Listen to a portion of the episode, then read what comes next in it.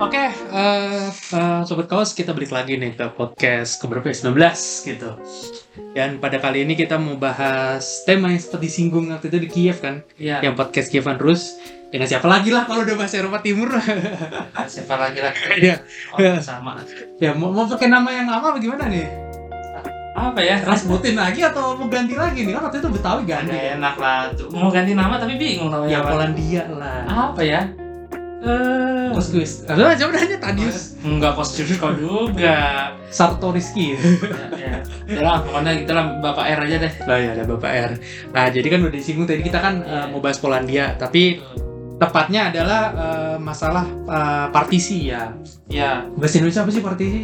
pembe- ya partisi bisa, eh, pembelahan juga bisa, Pembelahan ya. pembagian juga bisa. Ya, soalnya kan partisi kayak dari ini bahasa Inggris banget kan itu ya. Ah. Dan nanti bagaimana sih nasionalisme bangkit yang mungkin sampai pemberontakan 63 sama mungkin nyinggung-nyinggung pas awal-awal Polandia berdiri ya, yang Iya, pasca perang dunia pertama. Eh, 18 ya. Ya, 1918 sama mungkin perang dingin sedikit ya. Iya. Oke, jadi eh, buat yang ini yang pengen tahu gitu kan bagaimana kenapa sih Polandia itu bisa dipartisi, langsung aja kita bahas. Nah, jadi mungkin sebelum kita ngejelasin partisi Polandianya, kita mungkin jelasin dulu ya Polandia itu sejarahnya seperti apa. Ya, jadi eh, gue bakalan lebih secara umum yang jelasinnya, maksudnya nggak terlalu eh, detail ya. Jadi Polandia itu sebenarnya kan sebuah eh, bangsa Slav Timur ya sama seperti Rusia, Ukraina dan segala Iya, macamnya kawan-kawannya ya. Eh, yang menempati wilayah sungai eh, Wiswa, sungai ya bahasa Inggrisnya Vistula juga, Oh, Vistula. eh, eh, sungai Buk dan sekitarnya gitu. Eh, sorry. Vistula itu di mana sih dia? Di barat ya? timur. Wiswa, Wiswa itu dia ngalir, apa eh, ngalir ngelewatin Warsawa soalnya. Soalnya kan ada yang ada di bukunya yang ditulis sama Ray Taras tuh yang polis yang revolution polis socialist state sama revolution nation tuh kayak dibilang di bagian bab pertama kan ngejelasin originnya ya. Itu kan wilayah Polandia itu dianggap eh, pokoknya deket-deket wilayah itu tadi sungai Vistula sama sungai Dnieper Ya, Dnieper itu yang sebagian wilayah Ukraina dia. iya kan gue ingat timur soalnya dia Iya. Eh, Kalau di kalau kalau di Dnieper sama Vistula mana yang di barat ya memang Vistula. ya, ya itu maksudnya Vistula sekarang ada di timur Polandia, maksudnya Oke. di sebelah timur bagian Ah, Polandia. iya. Jadi memang eh, sungai Vistula atau Wiswa kalau di dalam bahasa Polskinya itu di situ mendiami suku gitu yang akhirnya kemudian eh, dia mendirikan kerajaan ya. Eh apa namanya? Eh, dan itu sebenarnya udah cukup lama kontraknya. Misalkan eh, kerajaan Polandia sendiri dinasti yang pertama kalau tidak salah namanya Piast dinasti Piast itu juga sudah menjalin eh, hubungan dengan orang. Misalnya seperti eh, pedagang Yahudi yang iya. yang eh, di masa Raja Meshko I oh Ah. ya Viscos Eh, dan kemudian secara singkatnya dinasti Piast ini sampai ta- taraf tertentu sampai tahap tertentu eh, dia eh, tidak punya penerus laki ya seperti kita tahu bahwa oh iya penerus di Eropa ya adalah lelaki Iya. kan.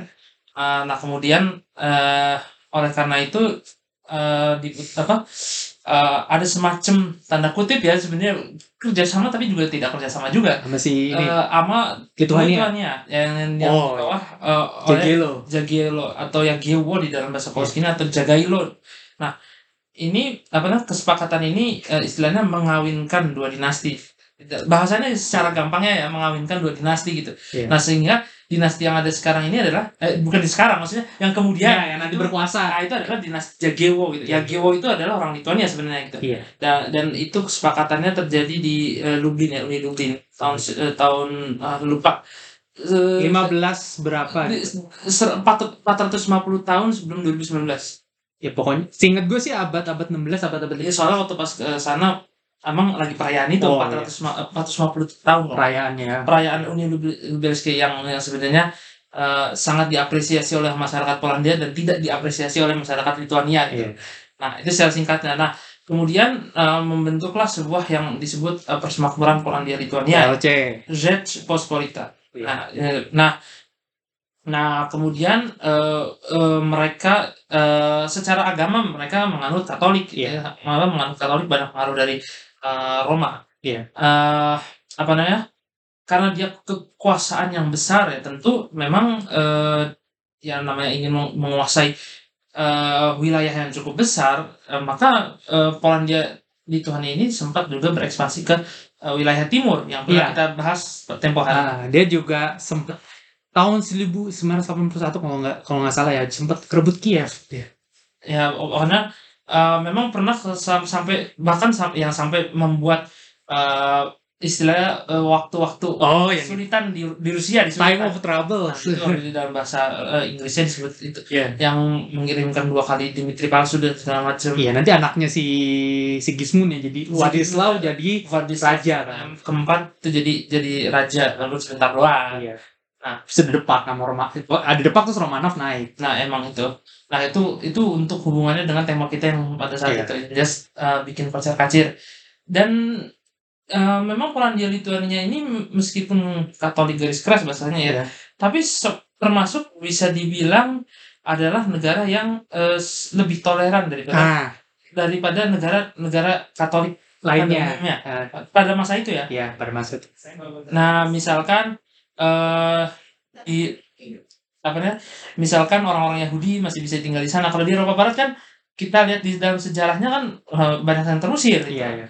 Apa namanya? Misalkan dari Spanyol. Aja di terusir. Banyak ke Belanda. Nah. Nah, kan juga ke Polandia gue baca. Nah, ya justru di Polandia, kenapa di Polandia? Karena eh, menjadi tanda kutip surga. Iya. Nah, sur- surga bagi kaum Yahudi dan juga tidak hanya orang Yahudi sebenarnya, Eh, orang Islam Tatar Ya, Tatar. Tatar itu Tatar Muslim. bahkan jadi eh, pasukan Iya. Em, ketika banyak orang eh, Tatar dari biasanya dari wilayah Crimea ya, Iya.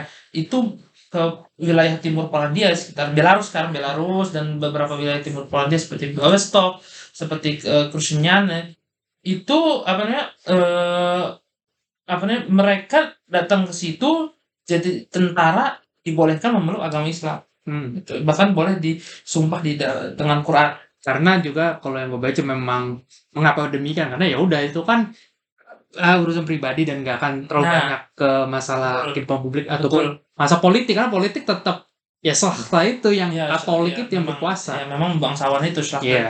memang ada jadi termasuknya juga eh, biarpun begitu ada same ya ada, Iya, ada parlemen. lah ya Ah, namanya dan orang-orang Tatar eh, Muslim juga dapat tempat juga walaupun nggak nggak sebanyak eh, tentu orang Katolik ya kan tapi eh, setidaknya dia apa namanya, diba- kalau kita bandingkan dengan negara-negara hmm. eh, Barat lainnya pada saat itu ya jelas tanda kutip memang lebih toleran. Iya. Nah meskipun mereka apa mereka mengangkat tentara-tentara Tatar Muslim itu sebagai bagian dari eh, tentaranya dan ini uniknya ketika eh, perang 1683 ketika eh, Oh ini Aus- apa penyerangan Turki Ottoman. ke Utsmani ke Austria ke Vienna atau ke Vienna itu Polandia Lituania kan oh yang ikut pernah bahas ya. apa, ikut eh, untuk menangkal serangan Utsmani dan di dalamnya justru ada tentara Tatar Iya. Sempat semuanya gitu loh Jadi kalau penasaran sempat kita bahas Muslim Tatar Polandia ya. Nah. Podcast berapa gitu. Pokoknya cek aja lah. Iya. Lebih lanjut ya. jadi dilihat terlihat dari situ aja memang kita bisa lihat kalau misalnya eh, Polandia eh, secara apa Polandia itu adalah negara yang cukup kuat pada saat itu ya Iya. pada sampai akhirnya eh, ke- apa kekuasaan kekuasaan asing lainnya itu akhirnya mencaplok wilayah Polandia itu yaitu yang eh, tiga negara itu misalnya eh, yang di sebelah barat ada, ada Jerman Rusia ada di sebelah sebelah selatan itu Selatannya Austria dan, Habsburg. dan ya Habsburg nah dan sebelah timur adalah eh, Rusia. Kaisaran Rusia Iya. Cuman gue juga sebenarnya mau nambahin sedikit sih. Eh Misko 1 juga dibilang eh apa ya? Pencetak sejarah itu karena eh, Hmm. awalnya tuh di era dia gitu. Iya. Dan juga dia pertama kali yang masuk ke Kristen Iya. karena untuk menghindari serangan dari orang-orang Jerman. Hmm, hmm. Ya, makanya ah, minta perlindungan kan walaupun sebenarnya dinamikanya dengan eh, HRE yang waktu itu cukup dominan di regional Eropa saat itu kan karena secara eh, kebijakan luar negeri agak diatur nih Iya. sama pihak luar walaupun dalam negeri eh, apa sih namanya mereka mandiri dan juga nanti kan eh, Polandia waktu itu ada kalau nggak salah tiga ini ya tiga suku gitu yang me- mendiami Silesia yang dengan Iya. bahasa yang berbeda Silesia Utara Silesia eh Silesia At- Upper Silesia Lower Silesia sama satu lagi Central Silesia kalau nggak salah itu bahasa beda-beda ya memang dialeknya sudah beda ya dan salah tuh ada juga yang bilang budayanya beragam banget Ya, memang Awalnya. sebenarnya iya sih. Memang kalau di daerah-daerah situ memang eh, nggak monoton sih sebenarnya. Hmm. nggak- tapi nggak juga seragam. eh, misalkan Kekaisaran Rusia itu kan sangat beragam sekali kan. Hmm. Karena ada orang Tatar, ada orang apa. Tapi kalau di Polandia itu sendiri dari segi kebudayaannya ya, sebenarnya, eee, beragam di dalam rumpun yang sama gitu. Maksudnya, oke ini sama-sama bangsa Slav, tapi Slavnya beragam. Iya ya itu, dialek Nah, yang menjadi ya kalau ya mungkin seperti di kita lah, kita Jawa dengan Sunda itu sebenarnya memang, eee, ragam yang beda, tapi kan kita bangsanya bangsa sebenarnya sama, ah, gitu loh. bangsa Indonesia. Beda dengan kalau misalnya di Rusia, ada orang Rusia, ada orang Tatar, yang satu orang Slav, yang satu orang Turk. Nah itu kan ragam. Oh, iya, sama ini sih gue beringat ada pendapat juga yang bilang di bukunya si Retaras masih. Mhm. Retaras atau ada satu lagi soalnya yang ada dua buku yang ngejelasin asal usul Polandia yang gue baca tuh. Jadi intinya tuh Polandia tuh dianggap sebagai inti dari perkembangan kebudayaan Slav awal betul. Nah, karena memang sebenarnya yang lebih paling maju itu memang dia, gitu. Mhm. Karena, eee, apa namanya, eee eee, kalau untuk kita bandingkan dengan Rusia sebenarnya ya, apa namanya, itu kan perkembangan kebudayaannya, ilmu pengetahuan itu kan lebih tertinggal sebenarnya Iya. tadinya ya awalnya. Sebelum pada akhirnya ya Rusia bisa, eee, berkembang lebih. Iya. Nah, Polandia itu memang, eee, salah satu, apa ya istilahnya, eee, tempat yang nggak hanya kebudayaan Slav ya, tapi ilmu pengetahuan pun juga, eee, sangat berkembang kan. Misalnya Iya. seperti kita tahu, eee, Nikolaus Kopernikus, Oh iya. Kopernik itu orang Iya, Polandia. iya, orang Polandia. Nah, itu, eee, salah satu contohnya gitu. Nah, apa namanya, itulah kenapa bisa dibilang Polandia itu sebagai, eee, pusat perkembangan Slav, di mana negara-negara Slav pada saat itu, bangsa-bangsa Slav pada saat itu, eee, entah mundur atau di bawah kekuasaan lain. Misalkan contoh Slav lain apa, Serbia, Iya. di bawah kekuasaan Turki. Iya, itu. Bulgaria dan semacamnya itu semua di bawah kekuasaan Turki. Ya, tapi Hungaria juga kan? Hungaria, Hungaria bukan Slav, tapi kan Oh iya, oh iya dia Hungaria sorry, bukan. Slav, tapi- Magyar ya. ah. ya Majar itu bukan Slav. Apa namanya? Lupa. Semua bangsa Slav itu eh, yang merdeka cuma Ru- Rusia pada saat itu. Iya. Rusia atau Rusia Timur, ya. maksudnya eh, Rus lah, Iya, Rus, Rus. Rusia, Rus. Tapi itu juga kan ter, terbelakang kan, sama mundur karena eh, eh, apa namanya? Ya seperti yang kita kita Satu eh, Mongol. ya kenapa dijajah Mongol dan juga memang eh, mungkin eh, penerimaan mereka terhadap teknologi pada saat itu kur- eh, nggak seperti Polandia Iya. Karena memang mungkin secara geografis Polandia juga lebih Lebih dekat, dekat dengan betul. barat. Betul. Dan memang kalau ini juga yang menarik juga dari Polandia sih yang gue baca, memang dia bisa dibilang cukup demokratis pada masa betul betul walaupun memang ada keterbatasan. betul memang Nah, ya tentu kalau- kalau kita bandingkan dengan sekarang Ya beda di Ya, beda. jauh. Untuk konteks zamannya. konteksnya nah, zaman memang paling demokratis dan saking demokratis itu yang bikin dia hancur ntar. ya dan apa namanya dan apa namanya eh, kedemokratisannya itu juga menjadi sebuah kebanggaan bagi masyarakat Polandia Ya. gitu kalau misalnya mereka tentang bercerita tentang Polandia ya misalkan dari dari pengalaman yang saya tahu saya dapetin itu apa namanya mereka membanggakan oh dulu tuh kita negara yang udah mengenal demokrasi tanda kutip demokrasi Nah. menerapkan demokrasi lebih Ya, lebih eh, istilahnya lebih lebih bagus daripada beberapa negara lain Iya. Soalnya juga gue sempat baca di mana ya? Pembahasan tentang nasionalisme Polandia juga memang orang Polandia itu menggambarkan dirinya tuh sebagai simbol dari kebebasan. Hmm, iya. Kan ada slogan freedom uh, for us and yours. Itu salah satu yang nanti digelorakan pas kedekat pemberontakan 1830 seingat gue. Ya. Karena nanti dijelasin lah itu, itu nanti tuh. Nah, singkat cerita dari negara yang besar itu mungkin kalau gue nggak nggak terlalu apa ya menguasain yang detailnya seperti apa, tapi memang negara-negara yang di samping itu yang tadi gue sebutin Austria, Rusia, Rusia itu memang tanda kutip sekongkolan buat Iya. Red Elit. Cuman kalau dalam arti sekongkolan, Tanda kutip bukan sekongkol dalam artian iya ya tahu, ah, ngerti. Cuman maksudnya sekongkol memang karena mereka ada konferensi waktu itu tahun berapa ya? pokoknya sebelum partisi terakhir sebelum partisi kedua ketiga gitu kan ada tiga kali iya kan? betul Nah, memang tiga kali. itu mereka ketemu dan untuk ngomongin nanti lu dapet ini dapet ini dapet Iya. itu dan kalau yang gue tahu yang gue baca dari banyak sumber juga sebenarnya getol banget awal untuk nyaplok Polandia itu adalah Prusia. Hmm, iya. Karena dia pengen dapetin wilayah-wilayah yang sebenarnya itu eh, apa ya istilahnya tuh eh se- Jerman atau ya mungkin budaya Jerman tapi kayak ini kayak si Hitler kan pengen Danzig gitu Nah, kan tahu. Nah, karena juga dia tuh motong Oh iya. Jerman gitu. Nah itu karena istilahnya Frederick tuh bilang ke Polandia itu kayak artichok kayak artichok kan kalau nggak salah tuh kayak tanaman atau gimana gitu ya itu kayak kan kita kan makan pelan-pelan gitu. Hmm. Jadi pengen diambil-ambilin. Nah, tantangannya cuman waktu itu ada jurnal ngebahas tentang itu, ya Rusia itu. Ini Operator bilang, ah wah, Prancis kan Prancis salah satu kekuatan tradisional juga, tapi dia bilang, ah Prancis udah lemah gini kan. Tersingkir nih abad-abad segitu dari pentas politik kan, bukan ancaman. Nah, ancamannya si Rusia ini bagaimana biar bisa mau kerjasama Iya. itu ya kesongkongkol kan nanti jadi sebenarnya waktu itu sempat di apa ya di kompor-komporin tuh sama Rusia dan ini kocaknya di perjelasannya tuh mengingatkan gue pada suatu video yang viral gitu yang juga lu pasti tahu jadi kan si Rusia ngasih tahu ke Rusia ancaman Austria atau gimana gitu Hmm. atau gimana pokoknya biar Rusia itu nggak terlalu merhatiin diri di Turki kan lu tau nggak yang proyek eh, Greek Greek proyek yang si Rusia pengen nyaplok Konstantinopel Oh ya, tahu. terus nanti si akhirnya Catherine kan terus cucunya si Konstantin jadi raja Hmm, tahu. nah ya jadi biar nggak terlalu kalau nggak salah biar nggak terlalu ini karena si Rusia nggak terlalu suka dengan ambisi mereka yang ke Balkan juga salah satunya Iya. nah itu kan kayak dikompor-komporin biar demi ke Polandia kan karena memang saat itu teralihkan pe- perhatiannya Rusia gitu kalau nggak salah partisi pertama Hmm. nah jadi di penjelasan tuh ini adalah uh, disinformation of the highest order ya, gue keinget yang gitu Confusion of the soda. Iya. Baru pertama kali gue nemu istilah begitu soalnya di di buku-buku sejarah anjir. Menarik juga. Ya jadi nanti istilah itu kan si Freddy itu yang muji-muji si Catherine dan semacamnya. Dan akhirnya ya itu di partisi. Dan partisi pertama kan kalau nggak salah karena nanti ada konfederasi ya.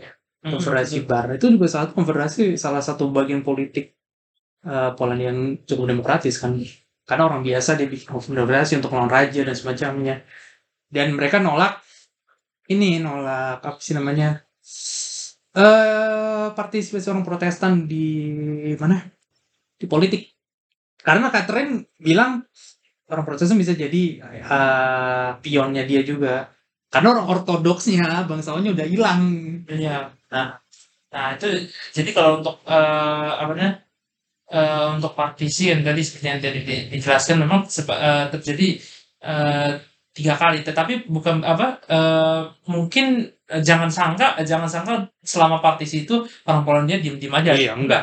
Eh, ternyata memang eh, beberapa kali eh, bukan beberapa kali bahkan memang sebenarnya eh, masyarakat Polandia juga membuat gerakan gerakan-gerakan eh, pemberontakan Iya. ya misal apa, apa gerakan kebangkitan misalkan eh, seperti apa namanya eh, yang dilakukan oleh Kosciuszko ya Iya. Kosciuszko itu sebenarnya perdebatan sih ya. dia dia, dia mengat- apa, mengatakan oh itu orang Lituania karena di dalam eh, syairnya apa? Eh bukan bukan orang itu. Kosciuszko itu dia dianggap eh, sebagai pahlawan di beberapa negara. Oh ya, iya emang emang. Kayak Garibaldi. ya Di dia Italia. karena kan pada saat itu sebenarnya Polandia itu kan nggak seperti yang sekarang. Maksudnya Belarus itu pernah bagian dari Polandia Lituania Ukraina kan? juga. sebagian Ukraina. Eh, Lituania juga kan? Iya. satu lagi Amerika. Oh iya. Nah, karena pada saatnya ketika Kosciuszko udah bangkit nih, tapi gagal, akhirnya dia ke Amerika, Iya. ikut gabung ke eh, perang di Amerika. Kalau nggak salah juga di sahabat dekatnya Thomas Jefferson. Iya, Karena memang dia orang liberal banget sih kalau gue lihat. iya. Dan selain itu juga yang apa eh, ke ke apa, tentara Polandia itu juga eh, apa ya istilahnya ya kayak nebeng sama Prancis juga. Iya, itu nanti kita bahas di Nah, nanti. Tapi kalau ini sebenarnya gue sempat bacaan gue penasaran ya. Ini Kosciuszko juga kok ke Amerika gitu kan. Ternyata emang juga ada kayak legionnya sendiri sih. Iya memang, Bahkan sebelum perang kemerdekaan itu udah ada kalau nggak salah. iya memang ada. Tapi selain itu juga faktor ini juga sih karena mm, apa melihat juga eh, kegagalan misalnya pada saat itu akhirnya ya kalau di situ dulu ditangkap tembak dong Iya. nah misalnya ya eh, udahlah gabung sama seperti ketika eh, orang Polandia di perang masa perang dunia dua kan banyak yang kabur ke Inggris Iya. Nah Bikin pemerintahan di sana. bikin perang Ah. dan bahkan ada tentara Inggris yang kuatnya orang Polandia Iya, emang. nah seperti itu kurang lebih Karena memang kalau dibilang Inggris sebenarnya dengan Polandia itu memang cukup simpati, tapi memang nggak pernah ngasih bantuan aktif. Hmm. Nanti nanti ada kayak gue mungkin gue jelasin kaitan dengan orang Irlandia karena ada buku yang ngebahas tentang Britain and Poland gitu. Jadi satu ada babnya ngebahas eh, hubungan antara orang Irlandia dengan orang Polandia gitu. Bagaimana kaum kemerdekaan Irlandia memandang Polandia sebagai salah satu sumber inspirasi dari mereka. Walaupun nanti sebelumnya itu juga ada semacam dinamika yang cukup menarik sih.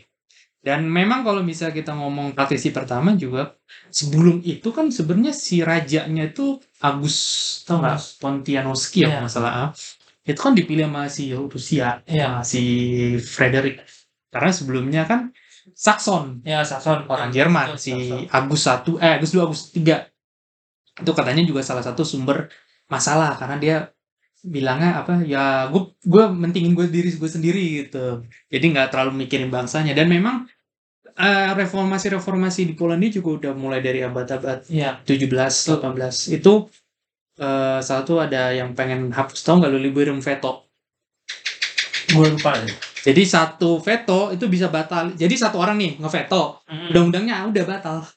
Jadi berapa kali tuh parlemen itu bubar anjir. Makanya dibilang Republic of Anarchy. Dan ada istilah istilah kocak dari Voltaire, dia bilang eh satu orang Polandia itu Pols kan. Iya. Dua orang Polandia itu Bros. Berantem. Tiga orang Polandia police question. Jadi melambangkan bahwa ya ke kehancuran eh, apa kekacauan itu karena kan di parlemen itu kan dan juga di parlemen itu kan adanya agen-agen asing tau nggak? Oh iya, iya betul itu.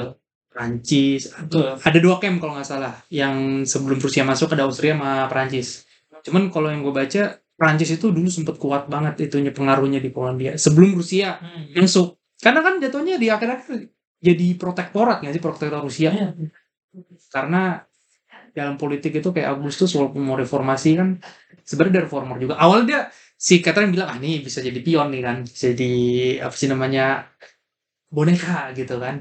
Cuma ternyata dia juga reformis juga. Walaupun ada beberapa reformasi yang didukung Catherine salah satunya yang masalah eh, Protestan itu biar bisa masuk ke parlemen biar bisa mulusin juga apa misi politiknya Catherine. Cuman beberapa kayak Liberum Veto itu eh, sama kan dia di raja kan dipilih kan gak, gak hereditary. Iya betul. mau dihapus kan itu ditentang Catherine karena kan biar dia bisa ikutan. Iya. Lah. iya. Hereditary gimana kalau dia mau ikutan? Iya, makanya. karena setelah Gus II itu kan ada yang didukung Prancis namanya Stanislaw Lesiski Sansov ya. nah itu bertarung sama si eh, anaknya Agus II si Agus III nah Agus III itu didukung ya tadi sama Rusia sama si Prusia. Kenapa? Gue bingung kan. Nah Frederick kan orang Jerman gitu kan kok dia nggak dukung eh eh sorry kok Frederick III malah dia nggak dukung ini sih nggak dukung Saxon sebenarnya. Karena itu rivalnya. Nah itu gue juga tadi gue bingung kok dia malah nggak dukung ini kan. Oh, ternyata rivalnya gitu cuman eh, ketimbang si Lesinski Rusia lebih dukung itu karena Prancis kan. Eh, nggak tahu sih kayak Prancis tuh kayak dimusuhin banget sih.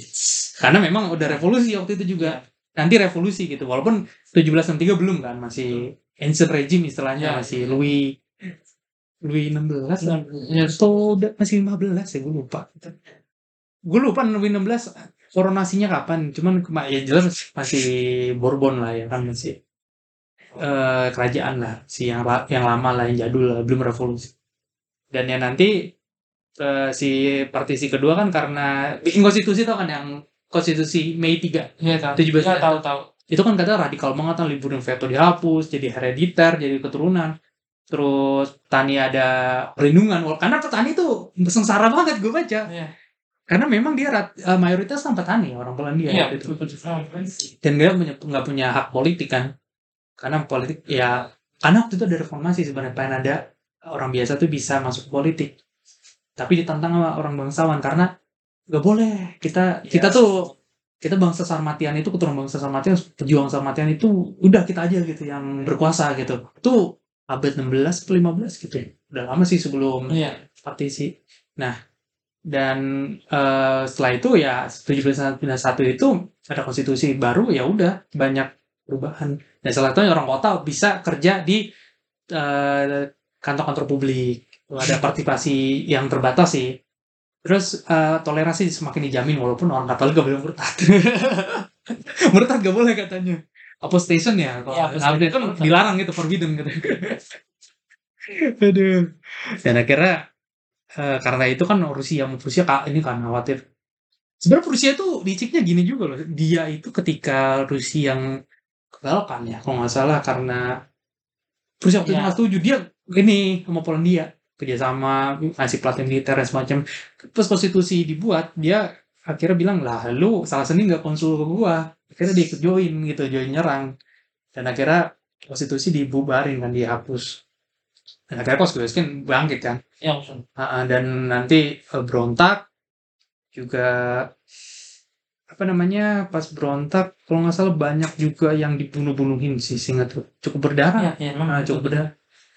Dan akhirnya tapi dengan gampang dihancurin sama Rusia. Karena salah satunya juga karena eh, ada dilema sih kayak kalau nggak Kosciuszko bilang bilang ke kaum bangsawan inilah kita petani kita emansipasi nih. Hmm, kita bebasin dari satu serfnya. Iya. orang bangsawan nggak mau. Jadi ketika dia secara sepihak bilang gue bebasin nih seluruh petani kan kaum petani bebas dari serfdom gitu. Bangsawan pada narik diri. Banyak yang nggak mau ini akhirnya kalah kan. Dan dia di penjara. Walaupun nanti dibebasin katanya dia. Ya, nah kalau misalkan eh, dari gue mungkin ini apa namanya eh, meli, eh, me- apa namanya mau menggarisbawahi apa sih efek efek kebudayaan dari partisi itu ya. boleh Nah, Eh, jadi kan seperti kita tahu sebenarnya partisi itu kan tiga kali dan berubah-ubah kan sih kan nggak nggak sama persis. iya Jadi yang di sebelah timur itu eh, bagian dari Rusia itu wilayah mana aja sih? Hmm. Ya itu yang sekarang wilayah Belarus, Lituania, dan juga kalau di Polandia itu Warsawa masuk, eh, Lublin masuk itu wilayah Rusia. tapi Warsaw nanti ke Jerman kan Betul pada akhirnya. Ya, pada cuman Warsawa sempat sempat masuk ke, Iya, ke, betul. ke, ke- apa eh, di apa masuk ke wilayah Rusia karena Ah. memang ada surat-surat iya sorry sorry gua mungkin nambahin karena memang Rusia yang udah paling luas katanya Oh iyalah. dan Rusia yang paling Ya memang nggak begitu. ekonominya paling ini paling strategis Nah, ya itu makanya. Nah, di bawah kekuasaan Rusia ini ya seperti nasib-nasib bangsa-bangsa lain di dijajah Rusia ya memang ya harus dinikasi iya gitu. Jadi eh, di kantor-kantor itu di di di, di publik itu nggak boleh di kan bahasa Polandia dibatasi lah bahasa di dibatasi penggunaan bahasa Polandia di eh, diganti dengan bahasa Rusia gitu ya. Iya. Ya meskipun pada akhirnya bahasa Polandia tetap bisa bertahan di masyarakat publik gitu ya. Iya. Nah, itu untuk di, di bagian Rusia. Tapi kalau pemaksaan agama masuk ortodoks enggak. Iya. Tapi memang coraknya memang kalau kita lihat dari bangunan-bangunannya memang uh, ada banyak uh, ada pengaruh-pengaruh uh, Kristen ortodoks. Ada apa pengaruh ya seperti uh, apa namanya kalau nggak salah uh, memang di, di timur itu memang corak bangunannya lebih ke ke itu apa tapi memang kebebasannya lebih di di, di- ya Sebenarnya kalau dibilang itu ya, cuman kalau setahu gue sih nggak langsung gitu sih. Memang, cuman Nah. maksudnya dibandingkan dengan di di wilayah lain ya. Nah, kalau di Austria, Austria itu dapat bagian selatan ya, di bagian Silesia, ya Silesia itu di bagian Krakow kalau tidak salah. Da- Galicia juga nggak Gal- langsung. Ah, Galicia, Galicia kan wilayah Ukraina kalau apa? ya, tapi dia kalau nggak salah di bawah Austria. Betul, memang. Nah, ya Ukraina itu kan di, dibagi dua juga, bagian Rusia dan bagian Austria. Yang di bagian wilayah Austria oh, masih eh, ini sedikit sedikit out of, off topic, tapi kurang lebih menggambarkan juga ada kondisi yang ada di Polandia.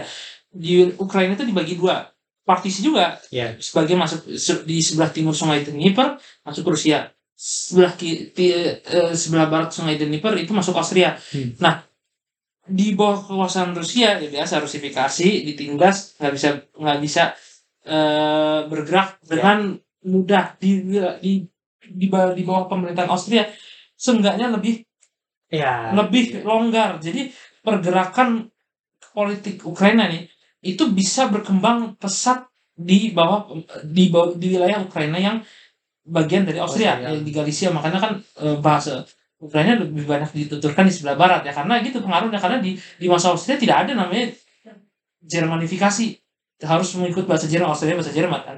Bukannya ada ya sebenarnya. tidak seperti Rusia kalau kalau Rusia memang Maksudnya dia se ekstrim Rusia. kalau Jerman paling kan ha- hanya ya paling di publik ya kalau misalnya masyarakat dia mau berbicara bahasa Rusia atau eh bahasa apa kayak itu kan diserahkan kepada Oh, beda dengan iya. Rusia beda Rusia itu memang sampai benar-benar sebisa mungkin Oh, iya. gitu loh itu Gue bedanya sempat baca juga di Galicia itu memang nggak ada semacam kan nanti se- setelah pemberontakan 1860-an atau 1840-an pokoknya Rusia sama Jerman ngepanis Polandia gitu ya.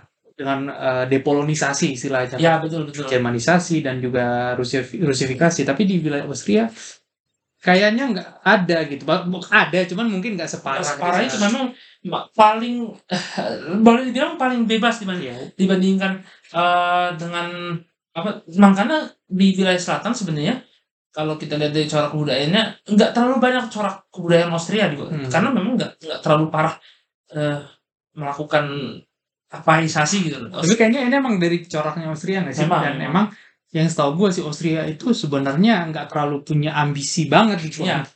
karena walaupun dia sempat sebelum partisi ya kalau sebelum partisi pertama atau gimana gitu dia sempat emang menguasai beberapa wilayah Polandia itu jadi alarm juga Iya. buat Rusia dan Rusia untuk segera bertindak karena hubungan Prusia dan Austria juga buruk-buruk juga gak bagus-bagus amat Betul. pernah perang kan perang suksesi Betul. Austria itu dicaplok Silesia masih Prusia waktu itu dan ya akhirnya tapi harus bekerja sama kan untuk uh, meredam ini lah Ya, meredam pemberontak Polandia ya jadi kurang lebih memang yang di wilayah Austria dengan wilayah Rusia itu memang lebih lebih eh, sumringah yang ada di wilayah Austria gitu. Iya. Nah kalau di wilayah Jerman itu pengaruh Jerman ada gitu dari segi bangunan ada Hmm. dari segi kebudayaan tentu juga ada tapi nggak sekuat pengaruh dari eh, Rusia. Rusia gitu. Iya. Tapi memang ekonominya fasilitasnya itu jadi lebih Jerman karena lebih maju ya iya memang gitu loh kalau dilihat itu memang apa eh, tataran kotanya juga lebih lebih bagus di di sana. karena ada ada tiga nih sebenarnya sempat kan ada tiga kenapa sih gerakan nasionalisme juga sempat nurun kan sebelum nanti muncul lagi Hmm. tahun abad-abad 20 awal? Karena kan kalau di wilayah Rusia udah sering diopresi kan Ya, gagal. Ya. akhirnya udah politis gitu. Terus kalau di wilayah Jerman mereka udah maju modern ekonomi Iya, dan teknologi dan semacamnya. Di Austria beberapa kalangan bangsawannya dapat eh, semacam hak politik. Ya betul. yang di desa ya biasa bangsawan di desa dapat hak politik. Jadi ya ya udah gitu nggak terlalu berkembang gitu Memang itu itu itu kalau dari segi cara kebudayaan seperti itu betul. Ya. tapi tunggu dulu apa ada lagi nih budayaan Se- eh, paling sih nggak terlalu ada sih kalau paling paling gitu seperti itu. kita bahas yang revolusi Prancis soalnya menarik nih Hmm. karena lu tau nggak karena eh, Polandia dengan Prancis kan bisa dibilang kayak Polandia itu sangat loyal kan Ya betul ya. ya. dibilang bisa bilang bucin gak sih Iya bahkan di lagu lagu bangsa Polandia Iya, iya. sekarang kan gitu. Polandia has not yet Paris kan Ya apa eh, ya suppose kan gini de magie itu salah satu liriknya ada mengatakan mas ini Terus, gitu. ada lagi Bonaparte membeli Ya, Bonaparte. contoh kepada kita gitu loh. dari Italia ke Polandia kan Daunang ship Ke Lombardi. karena memang eh, bisa dibilang orang Polandia itu menaruh harapan dengan Prancis karena memang sebelum partisi terakhir ya? Setelah partisi pertama Hmm, ada semacam masa pencerahan ya, jadi orang-orang terdidik Polandia itu bisa fasih bahasa Prancis ya memang memang. sebenarnya rajanya si Agus itu salah satu patron kebudayaan karena dia bilang dengan kebudayaan dan semacamnya pendidikan orang Polandia bisa bangkit dari keterpurukan gitu.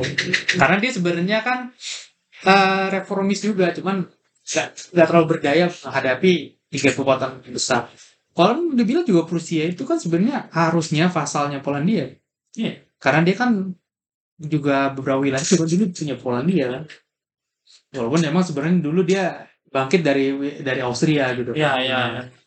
dan memang nanti kan juga eh, si Napoleon bikin legion non Iya betul. Legion legion apa legionnya eh, Polones. iya Orang siapa sih Karol selain Dabrowski ada juga Karol gue nama orang Polandia kadang. Agak susah sih. Kayak lu tau nggak yang Hugo Kon Hugo Kontai? Kawan ya. Nah Hugo kawan dia satu reformis juga. Itu dia tuh bahas apa L 2 L itu kayak ada strip kawan gitu. ya ah kawan kalau di Rusia kan ada juga gue jadi kan ada Alexander Kolontai. Itu malah Ah. iya.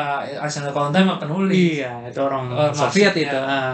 Tapi gue kira, tapi L-nya beda kalau dia Iya. yang itu, dia ada kayak strip. Iya, tapi memang arti namanya mungkin sama aja ya. Iya. Dan memang eh, nanti dibikin Duchy of Warsaw kan. Ya. Dan dikasih parlemen, dikasih tentara, dikasih konstitusi.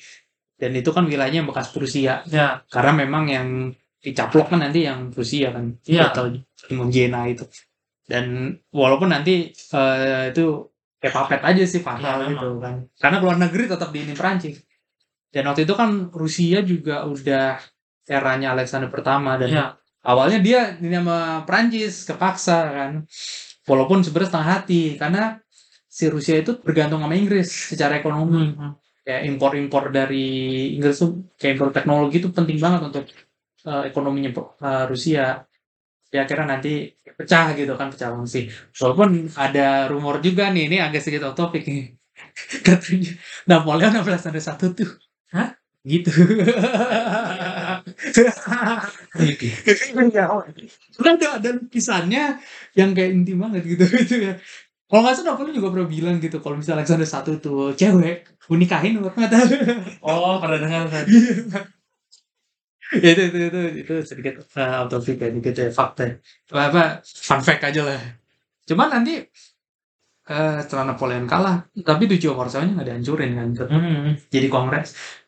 King apa kongres kingdom ya kalau bahasa Inggris tapi gue bingung ke Indonesia ini apaan kerajaan kongres kongres kerajaan Ya, itu ya. Iya Kongres Kingdom bahasa Inggris ya, ya gue bingung gue. Kerajaan Kongres kayak. Kerajaan Kongres. Kongres Kingdom ya berarti kerajaan Iya Kongres. kerajaan Kongres kan. ah. Cuman agak aneh aja sih gue denger. Kerajaan berdasarkan Kongres. iya, gak tahu ya. Tapi ya nggak banyak diubah sih. Iya sih. Cuman memang eh orang Prancis pada masa perang Napoleon tuh banyak. Eh, Kalau Polandia dia memang banyak. ke Waterloo, ke Iya. mana lagi tuh kayak ke Rusia, pasang Rusia, ke Spanyol.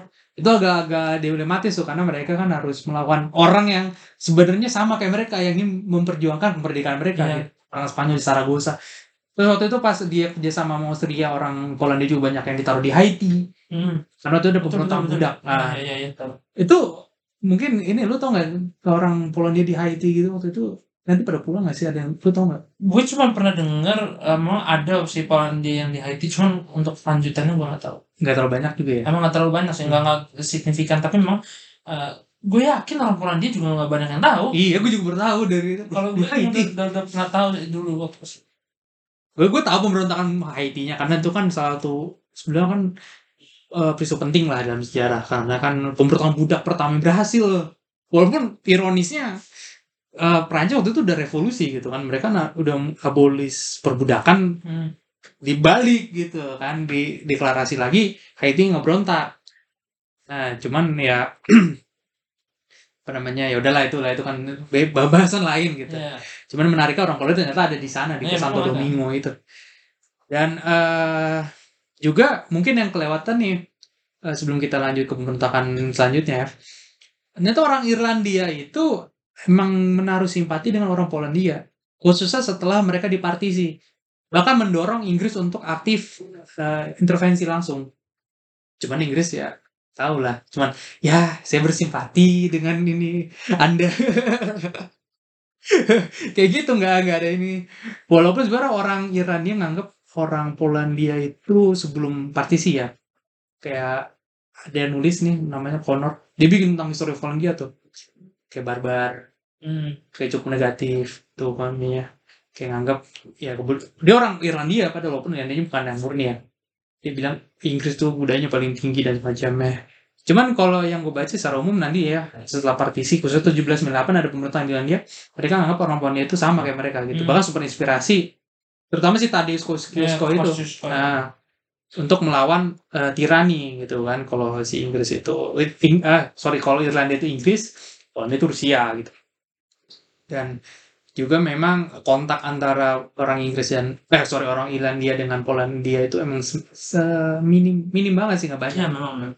cuman itu menarik sih ternyata kok ada hubungan antara keduanya gitu dan ada rasa simpati gitu kan dari orang Irlandia tapi apa namanya setelah setelah nanti Napoleon ya kita balik ke Napoleon lagi Hmm. nanti kan jadi Kongres Kingdom dan semacamnya ya itu nanti ada pemberontakan lagi 1830 Iya, bagus tuh. November Uprising November itu. Iya, iya, tahu. Itu juga lumayan itu lumayan berdarah sih tadinya kan mau ngebunuh Konstantin tuh Iya. Grand Duke Konstantin kan si ya ini berkaitan dengan Desember juga Iya sih. Iya, iya. karena katanya sih orang Desember itu kerjasama juga sama orang Polandia jalin itu jadi itu. gue baca gitu sih karena yang freedom of apa namanya freedom of us and yours itu yours salah satunya orang Rusia karena gue sempat baca juga di buku yang nasionalisme yang Polandia ya Iya. yang nanti jadi transformasi jadi kebencian nah, nanti gue jelasin itu eh, sebenarnya orang Polandia itu nggak benci orang Rusia yang mereka benci itu sarnya Iya. Iya, Nah. betul, betul. mereka ma- malah mencintai orang Rusia Sebenarnya ya secara secara jadi yang pada awalnya yang yang membuat eh pada awalnya ya, pada awalnya kenapa kok eh, agak hostile, agak agak agak gerdek sama Rusia itu sebenarnya pemerintahan Tsar gitu, Iya. tsardemnya gitu loh. Bukan masyarakat secara umumnya. Ya kalau masalah sipilnya. Hmm, masyarakat secara umum enggak. Ya dan memang eh, dia ingin membawa kemerdekaan, kebebasan karena mereka melambang yang tadi sebagai Hmm. simbol representasi dari hal itu. Dan juga sebenarnya setelah partisi juga kan ada yang bertanya nih, apakah kita masih bisa menjadi seorang patriot tapi gak ada negara? Hmm. Ada berkembang. Patriotisme itu tidak mengenal namanya eh tanah lahir, eh, bukan tanah ya, pemerintah apa? Dia- apa sih eksistensi pemerintahan? Hmm. Tapi kayak dalam diri kita, kita kita menganggap diri kita Polandia walaupun Polandia itu tidak ada nggak masalah gitu kan masih bisa berkembang.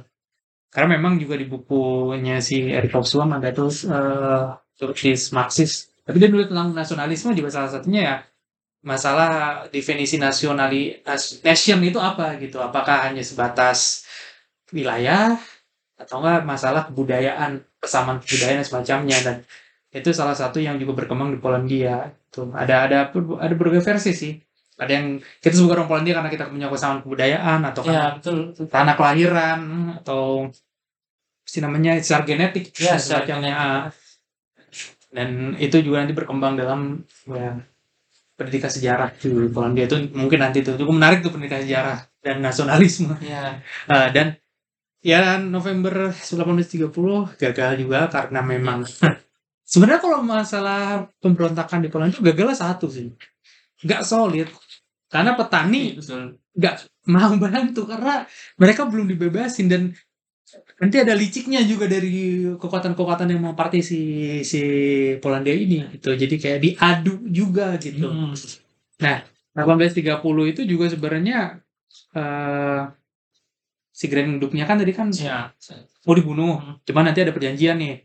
Eh, nanti si Grand Duke bikin apa ya ke si saudaranya si Nikolai satu Hmm.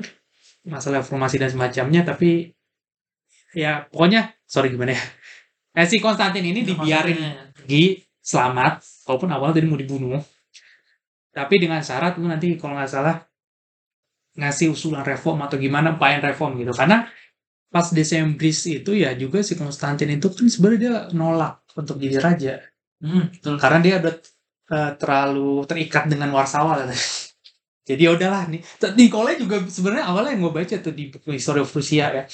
Gue lupa nama penulisnya agak panjang soal namanya. Jadi sebenarnya dua orang ini nggak mau jadi raja gitu. Nikolai satu itu eh, pengennya si Alex si Konstantin. Ya. tapi Konstantin pengennya si Nikolai. Tapi akhirnya Nikolai ngalah gitu kan dan nanti akhirnya Desember terjadi Ya, memang. dan salah satunya kan banyak yang simpati kayak Tolstoy gitu Iya, memang. Iya. siapa lagi sih Pushkin. ah ya beberapa intelektual sas- sastrawan banyak juga kan Iya, memang. orang liberal kan sebenarnya tuh eh, Desember ada yang ada pengen ngabolis eh, sardom gitu kan ngabolis yang Jacobin gitulah ada kelompok Jacobin ada monarki konstitusional agak agak beragam tuh isinya dan memang mereka sevisi juga sama orang Polandia gitu kan dan orang Desember kalau nggak salah juga Polandia berkuasa katanya mau ngasih ini kemerdekaan ke Polandia Itu mau belum kedengar.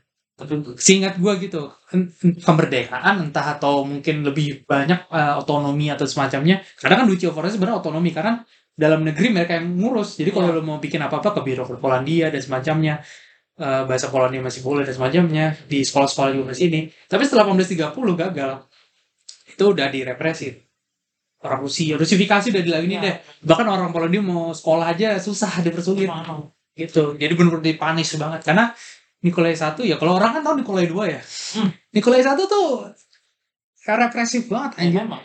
dan dia tuh dibilang gendarmerianya or- orang Konstantin, iya. karena dia tuh apa sih namanya dibilang itu dia sendiri yang ngeklaim ya gue ini punya kewajiban khusus untuk mempertahankan sistem yang jadul arkaik gitu. Ya. makanya juga kocak nih mungkin. Olat sendiri. Gitu. Ketika perang kemerdekaan Yunani dia itu kan harusnya mendukung Yunani sekarang Ya. ortodoks. Cuman dia dilema kalau Yunani didukung eh, political balance di Eropa tuh terganggu gitu. Jadi dia setengah hati ngedukung.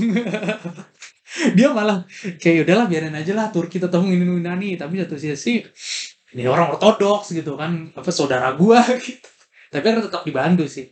Waktu itu pas eh, membantu dari Mesir si Mustafa Pasha itu mau ke Yunani Rusia salah satu ikut ini. Cuman si Nikolai satu sebenarnya kayak ya elah kenapa harus ada gini? Gitu. Udah lah udah kayak yang sebelum-sebelumnya adalah udah kayak gini tanahnya nggak usah berubah gitu. Kayak bener-bener nggak mau ada progres gitu. Ya udah begini-gini aja kayak apa istilahnya ya? Stagnan. Ya ya stagnan gitu-gitu aja dan dia memang nanti juga eh, sebelumnya sebenarnya pemerintahan sementara itu diisi orang konservatif gitu. Iya. yang bukan revolusioner gitu. Tapi nanti revolusioner mulai masuk gitu karena eh kalau nggak salah ada pemimpinnya ya turun ya kalau nggak salah karena gagal negosiasi dengan Rusia. Jadi kan pertama ini masalah pemberontakan 1830 itu kalau nggak salah masa konstitusional gitu ya. Secara konstitusi si raja ini melanggar konstitusi di Polandia kan, kan mereka punya konstitusi sendiri kan? Mereka dianggap merecoki dan si kosa eh, si Nikolai ini menganggap melanggar inilah kesepakatan lah gitu. Cuman akhirnya jadi eh, masalah kemerdekaan gitu mele- melebar kan? Dan akhirnya apa sih namanya juga eh, tokohnya Demokrasi atau siapa gitu itu orang-orang kiri itu mulai berkuasa kan? Publik juga mulai ini akan untuk apa sih namanya eh, ngelawan Rusia. Ya akhirnya si Nikolai di detron men apa? Sih artinya? Makzul, ya dimakzulkan sebagai rajanya Polandia. Dan akhirnya nanti eh dibales lah dengan eh, serangan dari Rusia. Si siapa sih orang Rusianya? Gue lupa. Kalau yang waktu partisi gue ingat Suvorov eh Su- Suvorov Suzorov gitu. Suvoros ah Puschek salah lupa gue namanya. Itu kejam juga soalnya dia eh bikin pemerintahan militer juga masalah sementara. Atau gimana gitu. Pas terusnya gitu pokoknya dia nanti ngatur Polandia gitu yang represi dan semacamnya. Karena si Konstantin itu walaupun ada yang bilang dia itu liberal tapi dia juga ngelakuin teror juga ke orang-orang ke kaum militer. Iya. dia tetap loyal gitu. Gitu dan kira kan 1830 itu sebenarnya cukup banjir darah ya karena eh, beberapa bangsawan yang dianggap tidak mendukung revolusi terus mata-mata dan semacamnya itu gue gue nggak tahu seorang Yahudi ada yang kena atau gimana. Yang ada malah Yahudi ini di Desembris ada yang dengan Oh, gitu. oh kalau gue ingat orang Yahudi gue lupa tapi pemberontakan mana ada yang ikut. Ada. Ada yang ikut. Ah 1830 nggak salah ada yang ikut ya. Tapi ada juga yang apatis gitu. Ya tapi nggak tahu apa ada yang jadi korban dari re- revolusi karena dibilang tuh Jakobin kan. kayak mirip Jakobin 1830 tuh ujung-ujungnya kayak Jakobin banyak digantung dan semacamnya. Dan eh pihak bangsawannya Polandia lu tau nggak Sartoriski iya.